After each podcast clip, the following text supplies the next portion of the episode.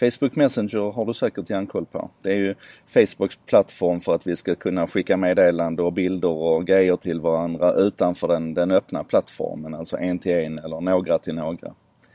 Eh, I botten på den så ligger det någonting som heter Facebook Messenger Platform som nu kommer i en ny version 2.1. Där man har byggt in en ny språkteknologi.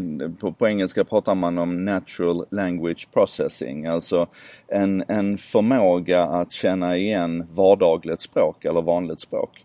Så att om du till exempel vill boka en lunch eh, med någon och du vill att maskinen så att säga ska känna igen det här för att kunna lägga in din kalender. Så behöver du inte uttrycka dig på ett speciellt sätt utan du kan säga jag vill boka en lunch med Kalle på, på måndag.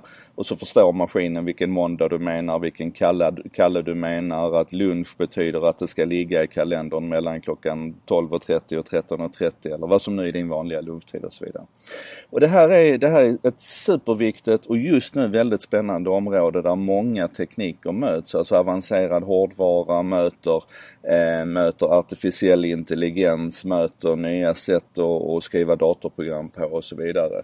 Men det är också intressant för att det, det flyttar lite grann från att, att varje applikation tidigare behövde göra det här till att det blir en del av den underliggande plattformen. Och där är ju Facebook Messenger intressant för att du kan ju idag Eh, som företagare kan du ju skriva chatbots till exempel som, som svarar på Facebook Messenger. Så att när du hör av dig till, till fiskaffären för att kolla om de har några räkor hemma så kanske det inte är en människa som svarar i andra änden att jajamensan, vi har de här tre sorternas räkor hemma. Utan det kanske är en chatbot som gör det. Och när då plattformen i sig, i detta fallet Facebook Messenger, hjälper till att tolka språket så behöver ju inte varje chatbot eller varje eh, utvecklare som, som skriver program, då behöver inte de programmen i sig innehålla den här naturliga språktolkningen eh, utan plattformen gör det och levererar ett, ett färdigt resultat istället. En kul detalj runt det här det är att eh, den här eh, språkprocessorn som, som Facebook Messenger 2.1 innehåller, som den plattformen innehåller. Den kan till exempel känna av om den uppfattar det som en, en artig och vänlig fråga eller inte. Det finns en polite-flagga som då kan vara true eller false. Alltså ställdes den här frågan på ett artigt sätt eller inte. Jag upplever ett par spännande saker runt detta. Det ena det är ju naturligtvis att jag då har, jag har Google Home hemma, jag har Alexa hemma, jag går och pratar med de här maskinerna hela tiden. Jag ska bara säga också, Natural Language Processing betyder inte nödvändigtvis att man pratar. Det kan vara skriven text också men det viktiga är att du kan prata eller skriva precis som du brukar göra och så ska maskinen förstå dig. Det är att när jag börjar prata med maskinerna där hemma och upptäcka att jag behöver anpassa mig mindre och mindre. För det är fortfarande så att jag behöver lära mig lite grann av deras språk för att det som jag vill ska hända, ska hända. Eh, men när jag pratar mer och mer med dem och, och det blir naturligare och naturligare så blir de också förmänskligade de här maskinerna.